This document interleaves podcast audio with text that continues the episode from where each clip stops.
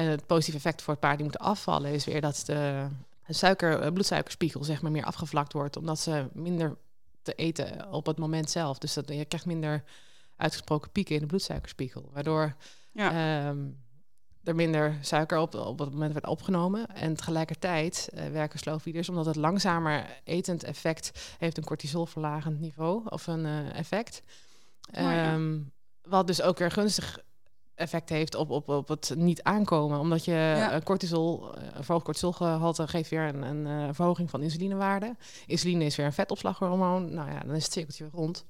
Ja, precies. En, ja. Dus als je, je dat een allemaal wat doorbreken? dempt en wat afvlakt, dan komen paarden die langzaam eten minder snel aan van hooi. Ja. Een en ander is natuurlijk wel een beetje afhankelijk van het type hooi wat je geeft. En dat je Ja. wel weet hoeveel suiker erin zit. Dat is natuurlijk altijd wel handig. Ja, precies. Maar ehm, ja, het algemene effect is wel duidelijk dat dat, dat, dat langzamer eten eh, een verlagend effect heeft op de cortisolproductie.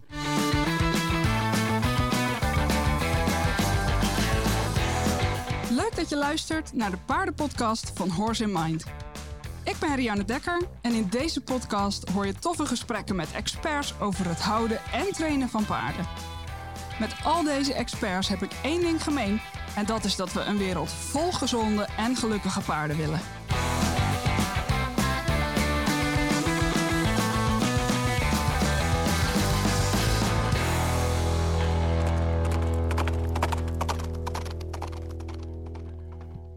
Hoi, je luistert naar alweer de 44ste aflevering van de Paardenpodcast. En in deze aflevering is Carlijn Weder te gast van Paard Eerlijk. Eh, en zij is al een keer eerder te gast geweest. Eh, toen hebben we het vooral gehad over graasmaskers, eh, ook over slowfeeders, maar dat laatste staat in deze aflevering echt centraal. Eh, Carlijn weet er ontzettend veel van af en heeft zich er eh, eh, flink in verdiept. Wat de voor- en nadelen kunnen zijn van ook verschillende materialen, kwaliteiten, maaswijtes en eigenlijk alles dat erbij komt kijken. Dus in deze aflevering gaan we het hebben over alle verschillende soorten slowfeeders die er zijn. Ehm, is er bijvoorbeeld één perfecte of optimale slowfeeder? Ehm, waar moet je allemaal op letten als je er eentje uit gaat kiezen? Ehm, en wat kun je nog meer doen om het effect van een slowfeeder, namelijk minder of langzamere inname, te versterken? Deze aflevering wordt weer gesponsord door Equine Studies. En Equine Studies organiseert lezingen en trainingen, eh, zowel live als online, over anatomie en biomechanica, met Nederlandse en internationale experts. Dus als je benieuwd bent, ga dan zeker even naar www.equinestudies.nl. Ben je benieuwd of sponsoring ook wat is voor jouw bedrijf in de paardenpodcast? Schroom dan niet om even te mailen naar info@horseinmind.nl, dan eh, vertel ik je er graag wat meer over. Voor nu heel erg veel luisterplezier met deze aflevering met Carlijn.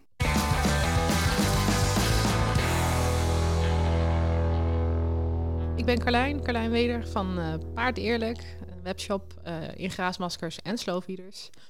En ehm, ik adviseer mensen met paarden met overingsproblemen of stofwisselingsproblemen over het gebruik van een graasmasker en of slowfeeder.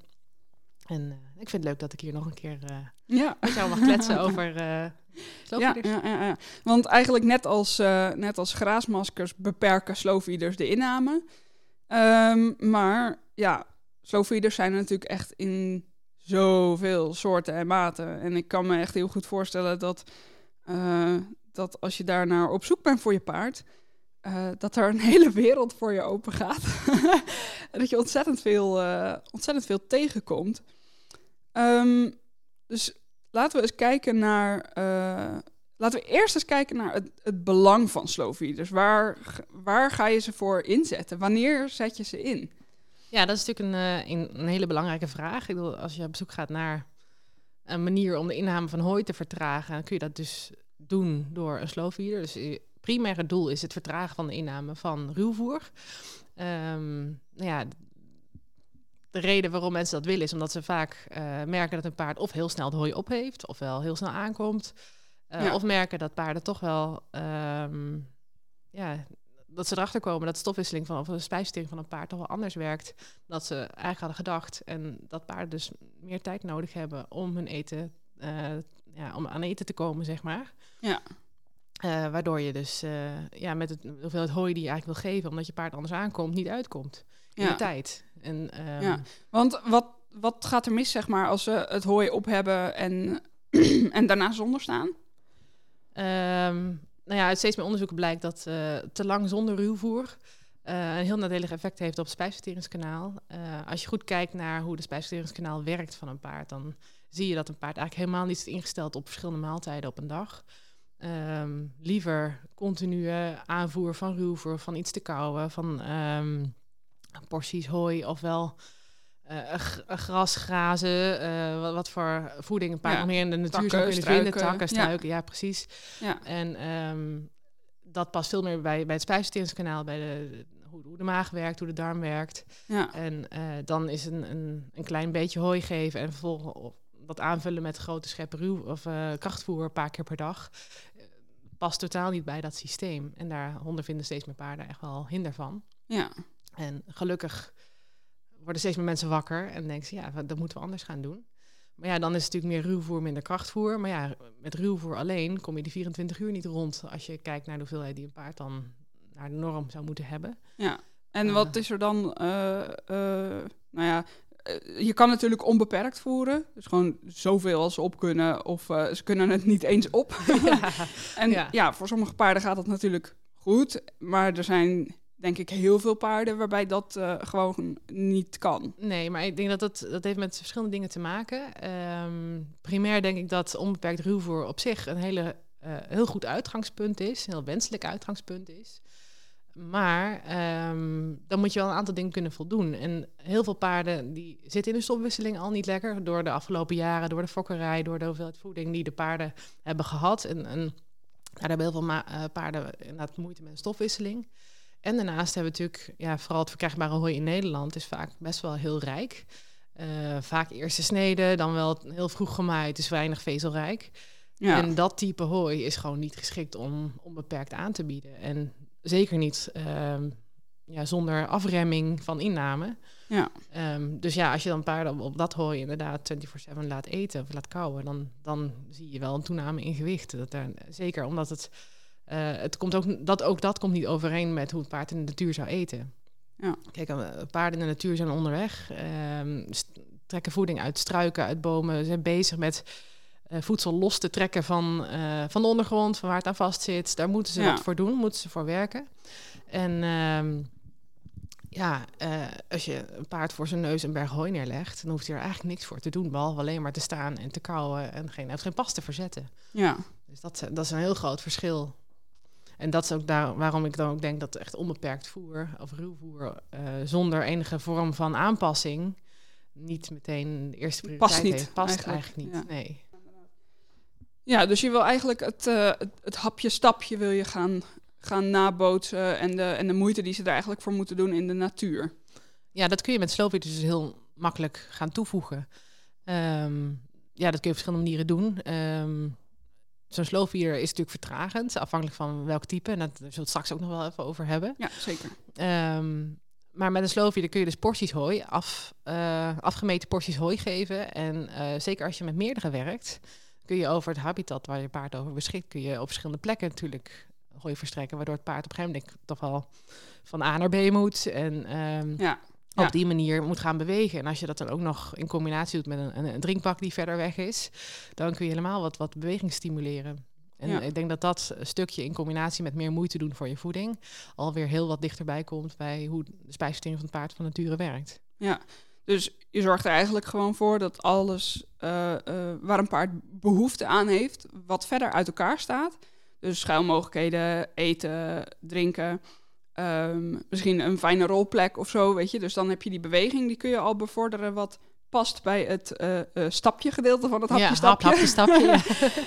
En dan, en dan dus met de slowfeeder kun je eigenlijk ehm, eh, het, stap, het hapje gedeelte Yep. eh, ja, ehm, meer sturen, ja. Ja, meer sturen, ja. En ehm, dus dan, dan wordt het meer vergelijkbaar met het, eh, het eten van gras, als we het er op die manier uit moeten trekken. Ja, of van takken en, en bladeren van struiken af. Ja, ja, ja. En dat is het stukje het moeite doen voor je eten. Dat zijn heel veel paarden natuurlijk niet gewend. Nee. En de overgang daarna is, is dan natuurlijk ook wel weer een, een dingetje van aandacht. En ik zie dat mensen best wel vaak van terugschrikken als dan in één keer overschakelen op oeh, een slowfeeder, oh, dat schijnt goed te zijn. En dan hop, frustratie, hop, dat ding hangt gelijk weer in de kast. Ja, Want het ja. dier kan, kan het in één dag eigenlijk niet voor elkaar krijgen om er lekker mee te eten en toont veel stress. Ja. En ehm, ik denk dat daar ook nog wel verschillende manieren voor zijn om dat te voorkomen ofwel ehm, weer te veranderen. Ja. Want ik denk op, de, op termijn dat eh, uit een slowfeeder eten echt wel veel meer gunstige effecten heeft dan de, het korte termijn frustratie wat je ziet als je er net aan begint. ja, zeker. Ja. En dan kun je natuurlijk je paard ook, ook helpen om daaraan gewend te raken. Ja, precies. Er zijn verschillende methodes voor. Je kunt inderdaad zeggen van nou, ik wil uiteindelijk toe naar een, eh, een kleine maaswijte. Daar zullen we straks even over hebben wat nou meest ideaal is. Maar ja, dat hoef je natuurlijk niet in één keer te doen. Je kunt ook stapsgewijs eh, gaan. Eerst maar eens naar een, een tussenmaat. Waardoor het paard eerst leert eten uit zo'n zo'n zo'n zak. En, en dat beweegt. En dat, dat, dat, is- dat is allemaal wat moeilijker, maar nog niet onmogelijk. Ja. En uiteindelijk ga je door naar een kleinere maat. Waardoor je paard nog meer moeite moet doen. En eh, op die manier kun je dan bijvoorbeeld, zeker bij paarden met overgewicht, terug naar inname. eh, waardoor je niet eh, beperkt wordt in de tijd. Ja, precies. Dus stel dat je je paard, eh, eh, nou ja, gemiddeld een normaal paard eh, eet, heeft ongeveer 10 kilo aan hooi nodig. 9 à 11, een beetje afhankelijk van het, van het paard het, ja, natuurlijk. kijk, laten we dan uitgaan, dat is dan weer s- eh, een, een, een sommetje, maar in dat 1% of, of 2% van zijn, eh anderhalf tot 2% van zijn Ja. lichaamsgewicht. in droge in, stof. in droge hè? stof. Ja, Ja, precies. Ja, dat moeten we niet Dus- vergeten. Ja. Nee, precies. Want wat, eh, waar veel mensen dan nog wel de, de mist in gaan, is dat inderdaad de hoeveelheid droge stof staat niet gelijk aan het aantal kilo hooi. Nee, en zeker niet als je de, dat is nog wel lastig, want eh, hooi en voordroog hebben bijvoorbeeld ook weer een heel ander droogstofgehalte onderling. Ja. Dus daar moet je echt wel rekening mee houden. Ja. Ja, absoluut. Ehm, dus nou ja, laten we uitgaan van eh ehm, zeg eh, droge stofgehalte van, van 80 à 90 procent bij Ja. gewoon normaal hooi. 80% zit je denk ik wel redelijk eh, reëel, ja. ja. Ja, ja, ja. En ehm, ehm, dus daar, daar moet je natuurlijk nog rekening mee houden als je dan het totaal aantal kilo bepaalt. Maar stel dat je ongeveer 10 kilo per dag eh, aan hooi in totaal moet voeren. Ik denk als je dat los zou geven, dan hebben de meeste paarden, als je dat in één keer geeft, ehm, met een, een halve dag, misschien... eh, Minder nog. Ja, minder nog. Ja, dat, dat is wel grappig. al op. Dat dat onderzoekje, eh we hebben een onderzoek gelezen van de Universiteit in Minnesota uit 2014. En daar hebben ze inderdaad ge- onderzocht hoe lang dat dan duurt. Eh, hebben ze een aantal paarden genomen, gewoon volwassen paarden, rond de 500 kilo. En die werden in een stal gezet met eh, een portie hooi, eh, 1% van het lichaamsgewicht in droogstofbasis. En er werd gemeten hoe lang ze daar dan over doen voordat het op is. Nou, dat, Ja. dat, met vier uur is dat dus schoon op. Ja, Dus dat, ja, dan heb je pas 1%. Nou, dat gaven ze twee keer per dag om aan die 2% van de, van de dagbehoefte te komen. Nou, dan ben je eigenlijk maar acht uur aan het eten. En dan blijft er eigenlijk nog eh, veel te veel uren veel te over. veel uren Ja, over. ja, Ja. En dan te bedenken dat, eh, ik bedoel, de, de, de onderzoeken die wijzen volgens mij allemaal een beetje iets anders uit, maar met eh, al vanaf twee uur zonder staan en zeker vanaf vier uur zonder ruwvoer staan, dat de kans op maagzweren dus al een heel stuk hoger is. ja zeker. Nou ja, ehm, kun je nagaan als je in acht uur je eten op hebt en de rest van de dag dus helemaal, eh, helemaal zonder staat. Eh, je, je gaf net al aan dat, het, eh, dat slowfeeders echt heel handig kunnen zijn bij bijvoorbeeld afvallen. Zijn er nog meer situaties waarin je slowfeeders zou gebruiken? Eh, nou ja, eigenlijk heeft, hebben slowfeeders of het, het langzamer eten heeft gewoon een positief effect op de spijsvertering. Zowel voor paarden die moeten afvallen dan wel paarden die moeten aankomen. Ehm, paarden die ongelimiteerd eten kunnen soms grotere happen tot zich nemen dan dat op dat moment eigenlijk noodzakelijk wenselijk is. En Ja. dat gewoon minder goed kouwen. Er kan er minder vo- voeding uit opgenomen worden, zeker voor paarden die te mager zijn. En door een kleiner hapje in je mond te hebben en dat op, op een bepaalde manier goed te kunnen kouwen, eh, kunnen paarden daar veel meer voedingsstoffen uithalen en energie uithalen. Het komt ten goede aan de, aan de, eh, de spijsvertering, dus de bacteriële fermentatie in de achterdarm. Ja. En eh, zodoende komt de hele spijsvertering beter in balans. En het positieve effect voor het paard die moet afvallen is weer dat de, ehm, de suiker, eh, bloedsuikerspiegel zeg maar meer afgevlakt wordt, omdat ze minder te eten op het moment zelf. Dus dat, je krijgt minder uitgesproken pieken in de bloedsuikerspiegel, waardoor Ja. Ehm, er minder suiker op, op het moment werd opgenomen. En tegelijkertijd eh, werken slowfeeders, omdat het langzamer etend effect heeft een cortisolverlagend niveau of een eh, effect. Oh. Ehm, Wat dus ook weer gunstig effect heeft op, op, op het niet aankomen. Omdat je Ja. eh, cortisol, eh, een verhoogd cortisolgehalte geeft weer een, een eh, verhoging van insulinewaarde. Insuline is weer een vetopslaghormoon. Nou ja, dan is het cirkeltje rond. Ja, precies. En, ja. eh, dus als je, je dat allemaal wat dempt en wat afvlakt, dan komen paarden die langzaam eten minder snel aan van hooi. Ja. En ander is natuurlijk wel een beetje afhankelijk van het type hooi wat je geeft. En dat je Ja. wel weet hoeveel suiker erin zit. Dat is natuurlijk altijd wel handig. Ja, precies. Maar Ja, ehm, ja, het algemene effect is wel duidelijk dat dat, dat, dat langzamer eten eh, een verlagend effect heeft op de cortisolproductie. Interessant. Ja. En ehm, als we dan even gaan kijken naar de immense hoeveelheid aan verschillende soorten slowfeeders. Want ehm, ja, als je de gemiddelde Divosa of Applejack inloopt, dan, ehm, dan kom je in eerste instantie eigenlijk twee soorten slowfeeders tegen. Waarvan de een eigenlijk niet echt een slowfeeder genoemd kan worden. Dat is meer een soort geknoopt net met eh, mazen van 10 centimeter. Ja. Eh, dat is niet echt langzaam, dat is gewoon een soort Nee. hooihouder. ja, Eh, ja. En de ander is dan. Ja. en de ander is, een, is dan wel meer slowfeeder. Dat heeft meestal mazen van ongeveer 3, 4 centimeter. en zijn geknoopt.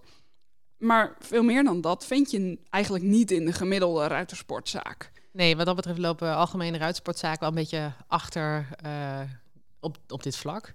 Ja, Ehm, ja, je- eigenlijk eh, je zie je daar alleen nog maar gewoon, eh, echt eh, gewoon een hooinetten. Ehm inderdaad met een maas van 10 of 15 centimeter. Ja, dat heeft natuurlijk helemaal geen effect.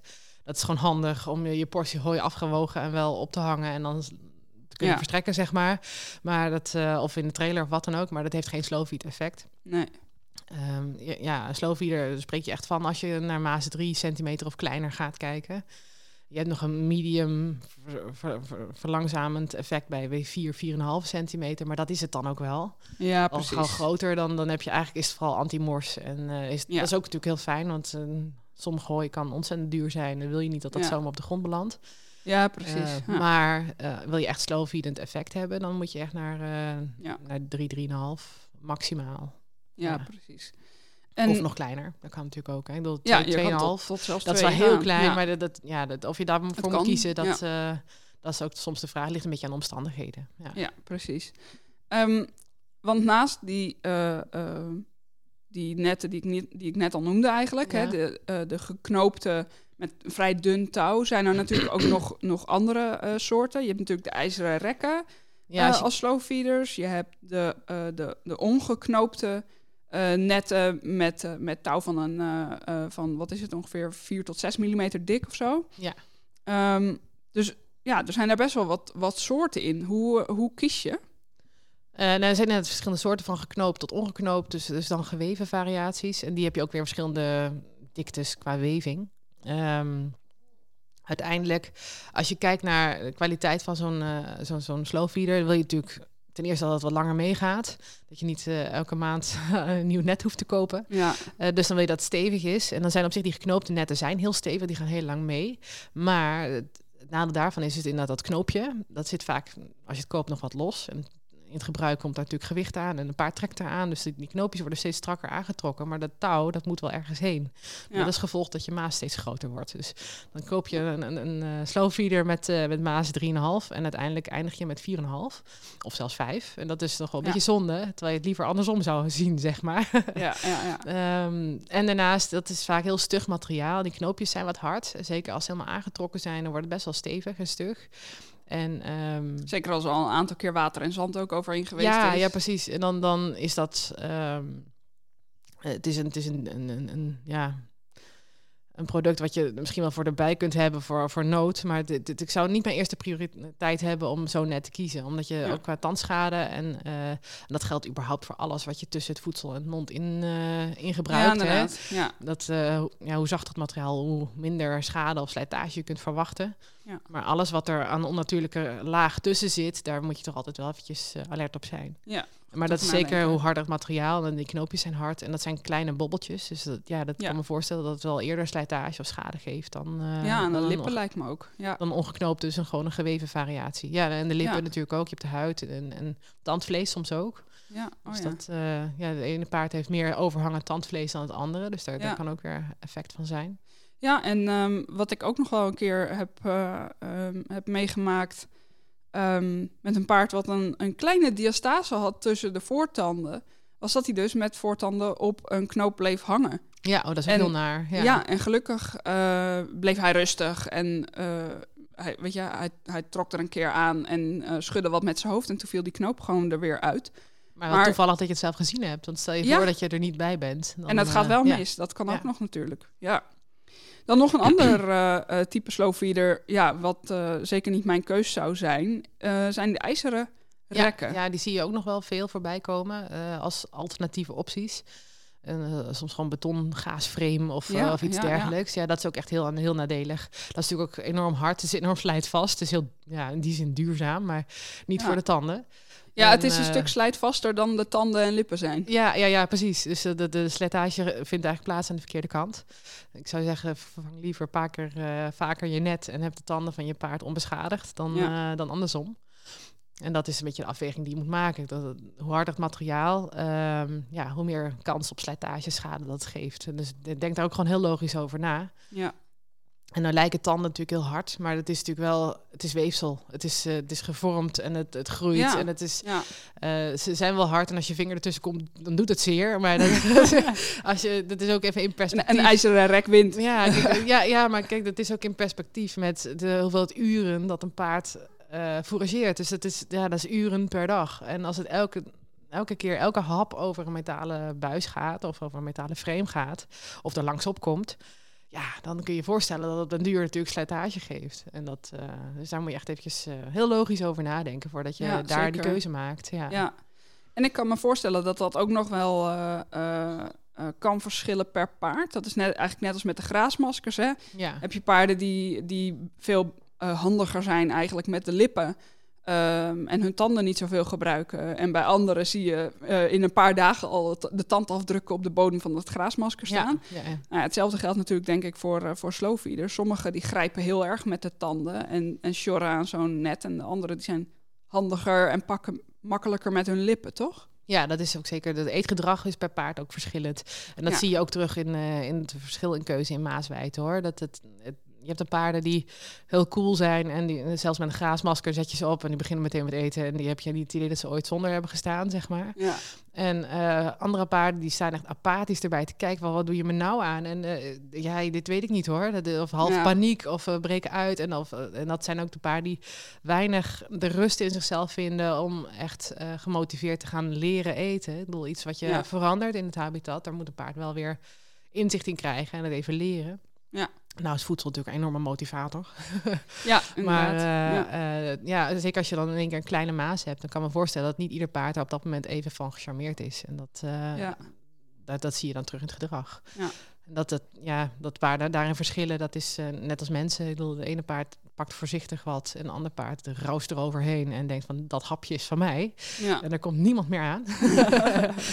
en eh, ja, dat is, eh, en dat is ook afhankelijk van, eh, van, van, van de duurzaamheid van je, van je net wat je uiteindelijk koopt. Ja, Dat is, zeker. Ja. Ehm, en we hadden het net al over dus die maaswijten van, van 3 centimeter of misschien 4,5. Ehm en 2 is dus ook nog iets waar je voor kan kiezen. Ehm, maar het is geloof ik niet zo dat het handig is om, om al je slowfeeders dan 2 centimeter te maken. Hè? Nee, nee, nee, zou ik niet doen.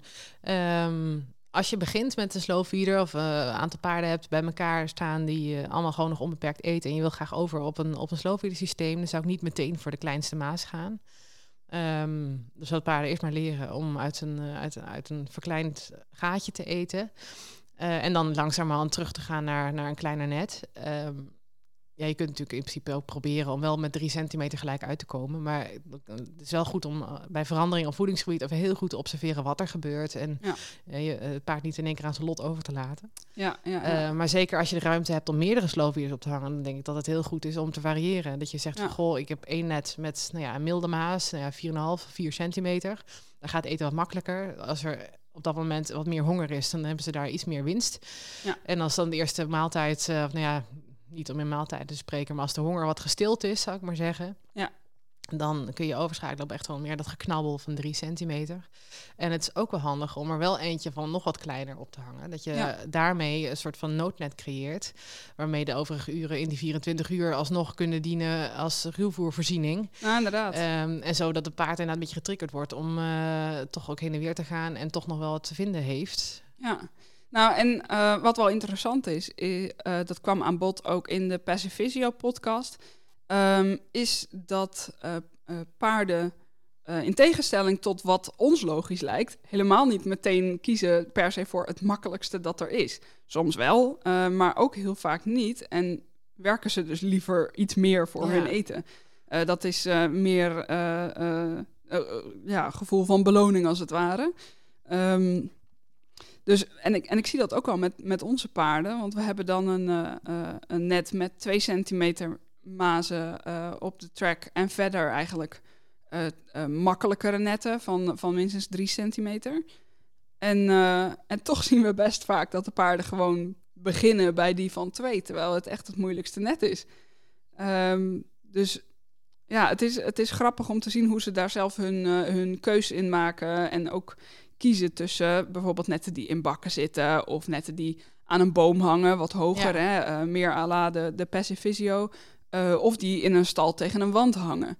Eh, zo zie ik dat glitter daar bijvoorbeeld, mijn kleine Shetlandertje voor, voor wie haar Ja. niet kent, die heeft echt een voorkeur voor de, de netten tegen de wand in de stal. Ja, dat is natuurlijk wat makkelijker. Hè? Dat, tegen zo'n Ja. wand kun je tegenaan duwen. Dat geeft tegendruk en Ja, dat, dat maakt het makkelijker. Ja, nou, en Ja. nou is het ook zo dat daar wat grotere gaten in zitten. Dus ze pakt dan een grote pluk en legt hem op de grond en eet dan rustig verder. Wegslovier, ja. Ja, ja, ja. En voor haar inderdaad is het niet echt heel slow meer. Eh, gelukkig eh, eh, eet ze niet als een echte Shetlander, maar eet ze echt heel rustig, eh sprietje voor sprietje. Ehm, maar voor haar is eigenlijk het alternatief op de track over een rand in een bak eten. Ja, en dan Ehm, zie je dat ze daar dus al een keuze maakt waar ze zelf op de grond kunnen eten. Ja, precies. Dus Ja. dan. dan eh, ehm, en dan gaat ze later wel naar de bakken toe hoor. En ze heeft daar helemaal geen problemen mee. Maar als ik het verschil, eh, als ik het allebei aanbied, dan, dan begint ze bij het een en kiest ze pas later eh, voor het ander. Dus dat is wel, wel interessant om ook gewoon per paard te zien wat de voorkeur heeft. Ja, maar ik denk dat die voorkeur ook wat te maken heeft met eh, de gewoonte van eh, het feit dat ze uit Ja. eten krijgen. En ook ehm, de mate van, eh, van, van, van voedingstoestand. Als er, al, Ja. als er altijd wel wat te knabbelen is, dan is de noodzaak om aan een grote maas te beginnen helemaal niet zo groot. Ja. En dan is er Ja, een het- evenwicht in, het in de voedselinname. En ik denk dat dat anders is bij paarden die echt wel een paar uur zonder moeten staan en honger moeten hebben. En ja. dat die denken, ja, ik heb het nu nodig. Dus eh, Ja. ja, ik wil nu dat makkelijkste hapje. Nou ja, dat is dus wel grappig. Want eh, ik bedoel, ze hebben nooit ontzettende honger bij ons hoor. Maar het is wel als we 's ochtends aankomen dat ze dan al één of twee uur eh, eh, zonder staan. eh, of soms ietsje langer. Dan is er wel weet je, een beetje gras te knabbelen of zo. Maar Ja. niet meer een flinke zak ruwvoer of zo. nee, nou ja, zolang er maar wel iets te hebben. knabbelen is. Dan, dan En, ja. en, dan, en dan beginnen ze dus toch gewoon aan die van twee centimeter. En dan later, weet je, als ze gedronken hebben, dan zoeken ze wel weer een, een andere op. Ehm, maar ja, het is, het is heel grappig om te zien welk paard voorkeur heeft voor, voor welk net eigenlijk. Ja. Ehm, en wat ik ook wel merk, misschien dat jij dat ook wel herkent, is dat het ook nog wel te maken heeft met de, met de ehm, eh, handigheid en, eh, en fysieke staat van het paard. ja. Dus Mon Amour, mijn Lusitano, die in Portugal is opgegroeid en gewoon heel handig is en heel erg eh, nog dicht bij de natuur staat, als het ware. Ja, die at heel makkelijk of eet heel makkelijk uit het hoge net. Terwijl de ruin die ik had, is, eh, eh, ja, die stond daar dan misschien 10 minuten en die ging dan toch wel weer door naar, naar een makkelijkere versie. ja, maar dat, dat is nou denk ik ook wel een beetje afhankelijk van, Ja. van eigen lichamelijke toestand Ja, ook. absoluut. Ja, dat En, bedoel ik. ja, dat denk ik dat zeker van invloed is. Ja. Dus eigenlijk is het, zeg je, het, het handigste om gewoon verschillende manieren, verschillende maaswijtes aan te bieden. Ja, ik denk dat je er eigenlijk zo creatief mogelijk in moet zijn. Dat je eh, kijkt hoe kun je ook, de, ook het, eh, de plek waar je paard woont en leeft eh, zo aantrekkelijk mogelijk maken. En wat vindt hij leuk en wat vindt hij interessant en hoe kun je hem daaraan prikkelen. Het is natuurlijk ook Ja, verrijking, ehm, ja. echt een verrijking. Dat, dat, dat zou ik inderdaad zo zien. Dat je op die manier of een keer een heel klein netje ophangt met ander type ruwvoer. Ik wil een keer een broccoli stronk of eh, ik noem maar wat. Geplukte, Ja, geplukte takjes. takjes. eh, soort ja, dingen. ja, ja, prikkel ook. ehm, maak het ook een beetje een puzzel. En, en hang niet Ja. iedere keer alles op dezelfde plek. Nee. Het is, eh, Paarden zijn natuurlijk fourageerders, dus die, Ja, ze zijn die gaan graag op zoek naar op zoek naar iets. Ja. en op het moment dat ze inderdaad moeten zoeken, dan gaan ze meer in beweging. Want als het op plekje A niet Ja. ligt, dan moeten ze een, andere plek zien Ja. vinden. En ook dat Ja. fourageren is natuurlijk weer stressverlagend. Ja, ja, Ja. En, en het in beweging zijn houdt ook weer de darm in beweging. Het, Precies, is, ja. het, het, het is het hele gestel bij elkaar. Hè? En, ehm, eh, op die manier denk ik dat je eh, gewoon ook een, een leuker habitat, een leukere dagbesteding voor ze hebt. Het is eh, zeker, en dat, dat- ook dat wil ik toevoegen voor de paarden die helaas nog niet echt buiten gehouden worden, maar wel overdag bijvoorbeeld op de wei en een s'avondsperiode op stal hebben. Als je dan ook een sloofwiel inzet, is bij uitstek ook echt een, een heel goede optie om te doen. Ja. Maar kies dan niet voor één grote, maar voor twee wat kleinere. Dat je Ja. aan de uiterste stalhoeken tegenover elkaar net ophangt. Dat zo'n paard dus toch gedwongen wordt van de ene nou, eens een keer Ja, naar de ander. Precies, en dan naar ook drinkbak nog, en dan weer naar de ene. En dan is ook zo. liefst ook nog op verschillende hoogtes. Ja, precies. Varieer daarmee. En dat hoef je niet elke dag allemaal te veranderen. Maar zo regelmatig is een net op andere hoogte hangen. Is, is best heel, eh, eh, ja, denk ik, eh, echt een toegevoegde waarde om, eh, om je paard gezond te houden. En iets meer te laten bewegen in, in zijn stal. Ja, precies. Ja. Ja. En nou, ehm, eh, ook in de geweven netten eh, ehm, zijn best wel veel verschillen te, te vinden, of verschillende aanbieders. Ja. Dus als je op zoek bent naar, naar een sloofwieder, hoe, hoe herken je kwaliteit? Hoe bepaal je of een, of een net van goede kwaliteit is? Ehm, nou ja, kijk, als je. Het is natuurlijk lastig omdat je het vrij, vrij veel niet in winkels ziet. En in deze tijd willen we natuurlijk ook niet echt graag naar een winkel toe. Nee. Maar ik bedoel, je kunt dat wel iets bestellen en het thuis beoordelen. Ehm, het altijd goed om te kijken naar het type weving. Dus ik zal altijd eh, kiezen voor een, een geweven variant. eh, omdat je dan dus die knopen niet hebt. Ja. Dan ben je wat vaster in je, in je maaswijten. Eh, kijk naar de weving, naar het type materiaal. Ehm, kijk, een, we- een geweven net kan natuurlijk ook weer van elkaar verschillen. Het kan wat losgeweven zijn, het kan wat steviger geweven zijn. De dikte van de weving is van belang. Dus je, kunt je kunt Ja. kiezen tussen 2, 3 mm geweven netten. En steviger geweven gaat, gaat langer mee? Ehm, ja, ik denk het wel. Eh dit is weer een beetje afhankelijk van, van hoe het paard ermee omgaat natuurlijk. Ja, oké. En hoe dikker de weving. Het is natuurlijk ook, wat ik, wat ik wel merk met hoe dikker iets is... ehm, dan kan ook meer kracht opgezet worden als het paard het toch in zijn mond neemt. Hè? Dus als je malende kaken hebt en een paard denkt... hé, hey, weet je, ik neem dat nek, net ook gewoon even in mijn mond. ja, En dan koudt er een paar keer op. Daar is eigenlijk helemaal niks tegen bestand. ja, dus, ja, eh, dus dat- dat is altijd jammer. Maar echt de trekkrachten, als je het, als je het hebt over de trekkrachten... dan denk ik dat je met een dikker geweven ma eh, maaswijte... of een dikker geweven tussentouw... dat je daar langer mee toe kunt dan een... eh, want daar zijn gewoon ook meer strengen in gebruikt in de weving... Dan met een, een dun geweven eh, ja, net. precies. Ja, bedoel, ja, Daar ja. ben je gewoon eerder doorheen. ja. Ja. Anders dan, eh, eh, ik, moet- even denken aan hoe sommige van onze netten er nu uitzien. Eh, dan, eh, dan, dan blijf je aan de slag met bijvoorbeeld strootouwtjes om het aan elkaar te als je knopen. weer of, eh, repareren. ja. ja, of Ja. zeiltouw, dat voldoet ook wel goed om, eh, om dingen weer aan elkaar te knopen. ja. Maar je bent inderdaad continu dan Aan het gaten, ja. aan het repareren. Ja, Ja. precies. Ehm, Dus dan in die zin, ik bedoel, dat is ook weer het effect van een, slo- een goede slowfeeder. Eh, zou ook stressverlaagd moeten zijn voor de eigenaar. Hè? ja. Eh, enerzijds Ja. is het in de portemonnee, je hebt minder morsen. eh, Je hebt langer de tijd tussen de voerbeurt. Je hebt minder stress van het feit dat je, oh, mijn paard staat zonder. ja. En eh, ja, je hoeft minder vaak iets nieuws te kopen of te repareren. Dus het is, het is wel win-win. Inderdaad. Als je echt een goede kiest, dan kun je er als het goed is wel langer mee toe. En is het eh, voor Ja. iedereen een win-win. En eh, eh, net hadden we het al even over, eh, over de verschillende hoogtes en zo. Maar je hebt natuurlijk ook nog verschil tussen bijvoorbeeld ehm hooinetten gebruiken of het in bakken doen met een net erover. ja, Ehm, eh, heb je daar nog een voorkeur voor of een bepaalde Nou, keuze die je wel of niet maakt? Het is natuurlijk ehm, een net wat je ophangt. ehm, is natuurlijk heel praktisch in een wat kleinere omgeving. In een stal of wat dan ook. Zo'n bak die kun je niet overal kwijt. Dus dat, dat is natuurlijk keuze één. Zo'n bak moet je maar net hebben. Ja. Eh, qua eethouding is zo'n bak natuurlijk wel heel fijn om als primaire eethouding te hebben. Want dat, ja, als je dat niet, al, niet te hoog vult, dan is het nagenoeg gelijk aan van de grond eten, zeg maar. Ehm, wat paarden in de natuur voor overgrote deel natuurlijk ook wel doen. Naast af en toe van de struiken plukken en snacken. Precies, Ehm, ja. Dus dat is op zich heel fijn.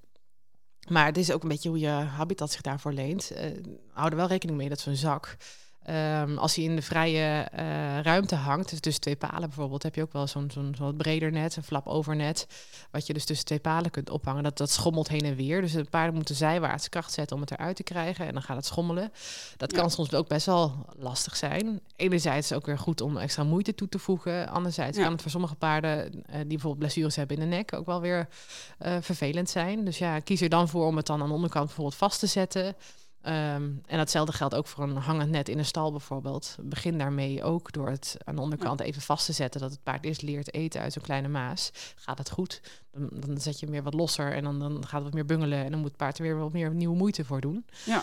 Ehm, maar ja, qua voorkeur voor een bak of een, of een net, uiteindelijk is het goed denk ik om daar een beetje te variëren. En zeker als je ehm, een stalpaard hebt wat eet uit een net, hang dat net in het geregeld is even op een andere plek. Dat je niet altijd te repeteren dezelfde beweging hebt. Ja, En speel met de hoogte. Ik bedoel, dat is een beetje afhankelijk ook van of je, of je baard op ijzer staat. Of je eh, en onrustig is naar de buren toe, bijvoorbeeld.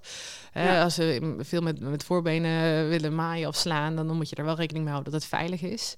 Ja. Eh, maar het is, heb je dat allemaal niet aan de orde, dan zou ik gewoon geregeld eens eventjes net wat lager hangen, een keer wat hoger, andere kant van de stal. Dat, dat je echt wel gewoon gaat variëren in, in, eh, in de beweging om, om, Ja. om, om het voor het dier prettig te houden. En kijk ook naar je paard. Wat vindt hij prettig? Hè? Dat is eh, ja, inderdaad. aan de hand van zijn fysieke toestand. Ja, Kijk of je daar ook een soort van patroon in kunt ontdekken. Ja. En, tegemoet kunt komen, ofwel een soort uitdaging van kunt maken. Ja. Ja. En eh, ja, wat, eh, ehm, wat mij in mijn slowfeeder zoektocht eh, wel is opgevallen, is dat de netten die echt als, als goede kwaliteit te boek staan, ook gewoon ja, wat kosten. Ja. ja. En veel mensen die kiezen dan ehm kosten technisch liever voor bijvoorbeeld aanhangernet. Maar is, ja, ik heb altijd een beetje het gevoel dat goedkoop ook, ook duurkoop is. Ehm, ja, kijk, uiteindelijk is dat ieders persoonlijke keus natuurlijk. ja zeker. Ja. Ja, ja dat, dat, dat, dat goedkope aanhangen, ik, ken dat wel inderdaad. Daar kun je prima, of ter overbrugging of, of, of als noodnet, zou ik zeker dat kun je dat achter de hand hebben. ja. En, maar ja, ik zou het aanraden om eens wat verschillende dingen uit te proberen en kijken waar je nou het meest profijt van hebt. ja. Het is inderdaad kostbaar. Anderzijds, ehm, je verdient het ook wel weer terug in minder hooispeel. En eh, het voegt voor je paard echt wel heel veel meer dingen toe. En los van de langere fourageertijd, eh, een, een, een gunstig effect op het spijsverteringskanaal. Ik denk dat soort dingen, ja, Ja. dat zijn wel de investeringen waard, zou ik zeggen. Als je een gezonde Ja, paard wil hebben, Zeker, ja. dan, ehm, ja, en dan kun je het natuurlijk goedkoop oplossen. Maar ja, zo'n goedkoper net wat je zelf moet maken, dat is dan ook gelijk wel weer sneller stuk. Ja. Ik- ik- Het is, het is een beetje afhankelijk van wat voor paard je hebt. Je hebt heel voorzichtig paard en doe je met zo'n nek van net van de aanhanger nou in een half jaar. Denk ja, nou ja, waarom zou je het anders doen? Ja. Hè? Maar eh, ik bedoel, je hebt ook wel eens de halflingers ertussen zitten die alles in twee dagen stuk hebben. Dan zou ik zeggen, nou ja, kijk of je eh, ergens een compromis kunt sluiten tussen duurzaamheid en, eh, en, werk voor jezelf. En, Ja. Nou, inderdaad. ja. Wat ik, wat mijn ehm, ervaring met kwaliteit is, is dat die, eh, die hooinetten van bijvoorbeeld de, de Divosa of zo, weet je, laten we eh, laten we ze even zo noemen. Ja, ja, ja, ja, ja. Eh, dus de geknoopte netten. Ehm, ja, dat die op zich wel fijn zijn, maar ook wel mm, wat sneller stuk gaan. En wat ik zelf echt heel vervelend vind, is het vullen. Ja. Dus het is, eh, het is één groot slap ding als je wil vullen. En je moet Ja. eigenlijk echt een houder hebben of het met z'n tweeën En doen. vaak die geknoopte dingen, die, die neigen ook heel erg terug naar een eigen knoophouding. Dus dat, Ja. is, dat is een soort van veer. En dat, dat sluit ja, zichzelf inderdaad. Ja. inderdaad. En ehm, we hadden op de, eh, eh, in de bakken eigenlijk altijd een, een, een, een rek, dus een, een frame met een, een net, Net erin erin, ja. gespannen. En toen zijn we eigenlijk, eh, toen er een kapot was gegaan, eh, eh, met het, zijn we gaan uitproberen van joh, als we daar nou gewoon een net in leggen en die vastmaken aan vier, aan vier plekken.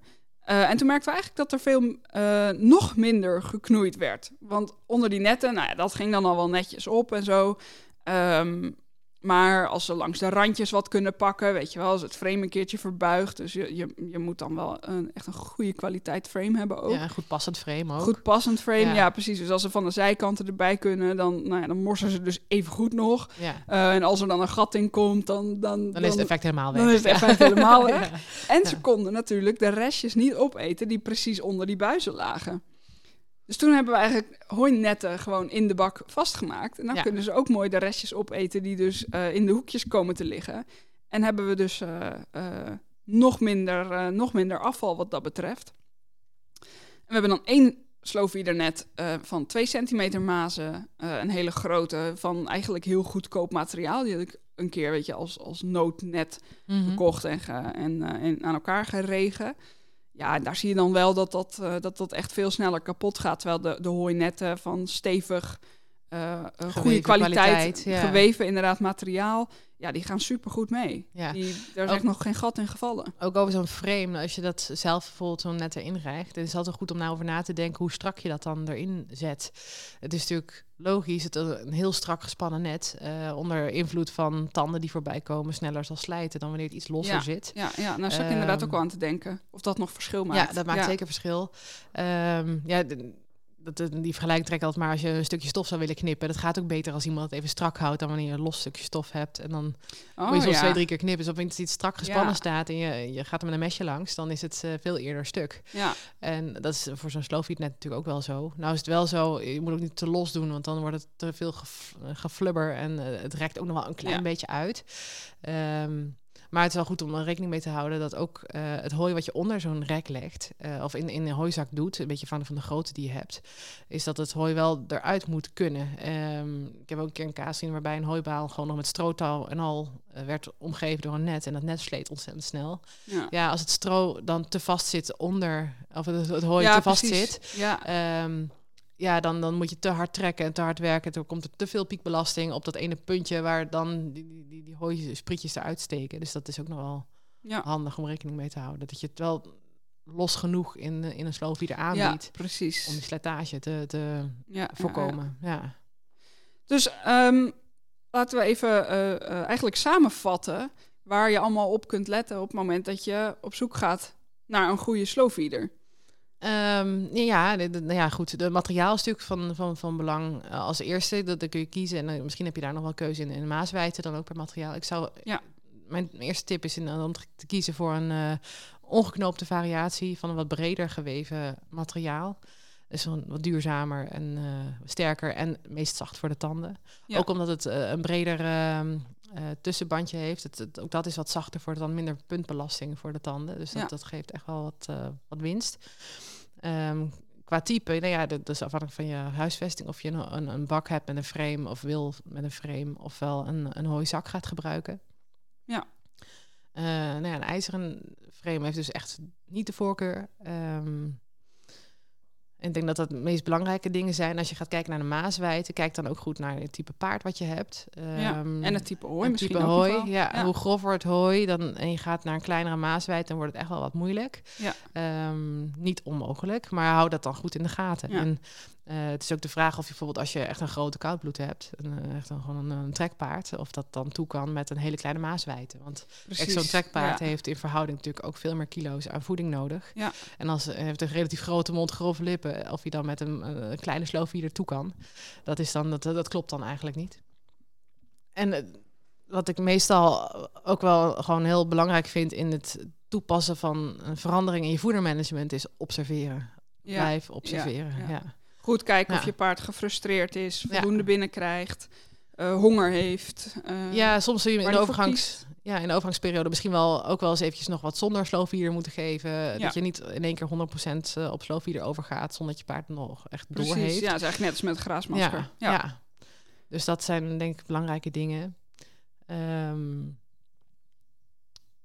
dus ja, dat, dat, dat, dat zijn de, de dingen die ik zou aanraden voor als je er net mee begint. Ja. En dan, ja, ik heb nog wel een aantal andere tips. Misschien ook wel handig om dat te delen.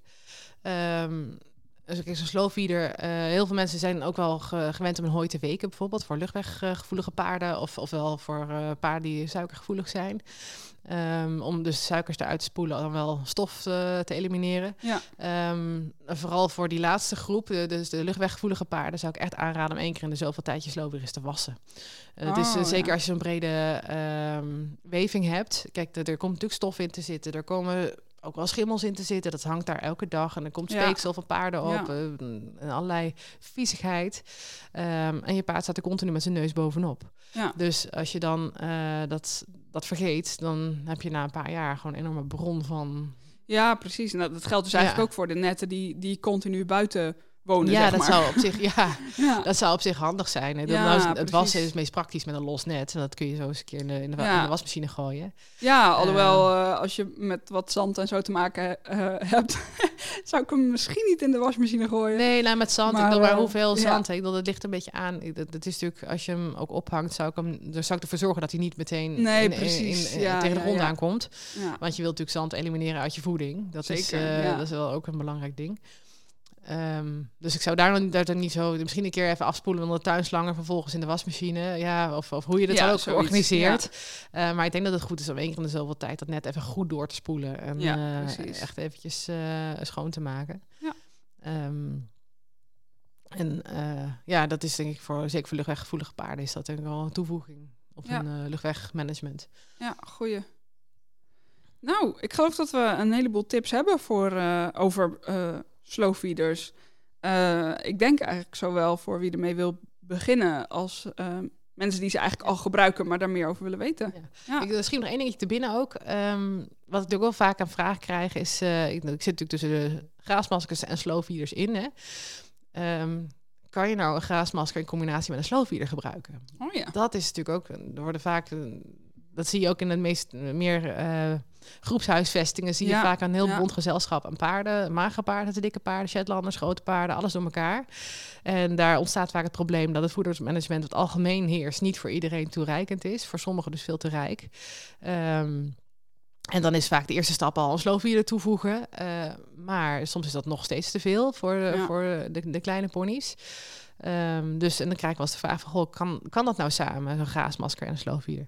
En op zich kan dat wel, maar dat is wel afhankelijk van je type graasmasker en je type slowfeeder. Dus als je Ja. een heel kleine maas slowfeeder hebt en je hebt ook een graasmasker met een piepklein gaatje, ja, dan Ja, kun je zelf bedenken dat dat Ja. niet gaat werken. Dus dat is... eh, eh, en dat, dat hierin is observeren ook wel echt, echt een sleutel. Ehm, kies dan voor een graasmaskertje met niet, niet al te kleine opening. Ja. En observeer goed of je pony dat dan kan bolwerken. Ook hier zit natuurlijk een leercurve aan. Dat heeft gewoon echt wel ehm, tijd nodig. ja, dus moet er echt even aan wennen. En in de overgangsperiode zou ik ook geregeld eventjes wat gemakkelijker voer geven.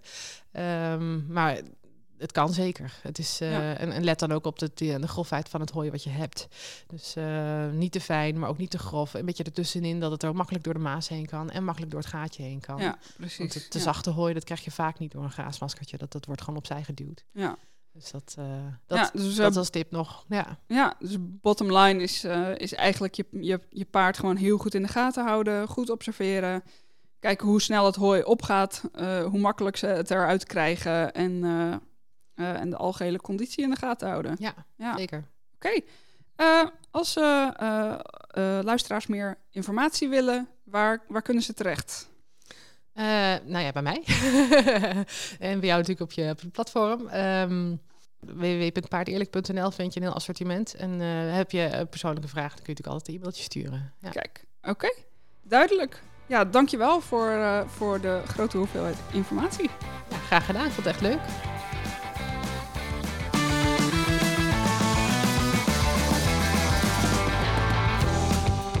Vond je deze podcast interessant? Dan zou ik het heel erg leuk vinden als je mij een handje wil helpen om nog meer paardeneigenaren te inspireren. Dat kun je bijvoorbeeld doen door de podcast te delen op social media. En wat ik ook heel tof zou vinden, is als je een recensie zou willen schrijven. Dat kan via jouw podcast-app of via het kopje recensies op de Facebookpagina van Horse in Mind. Dankjewel en tot de volgende keer.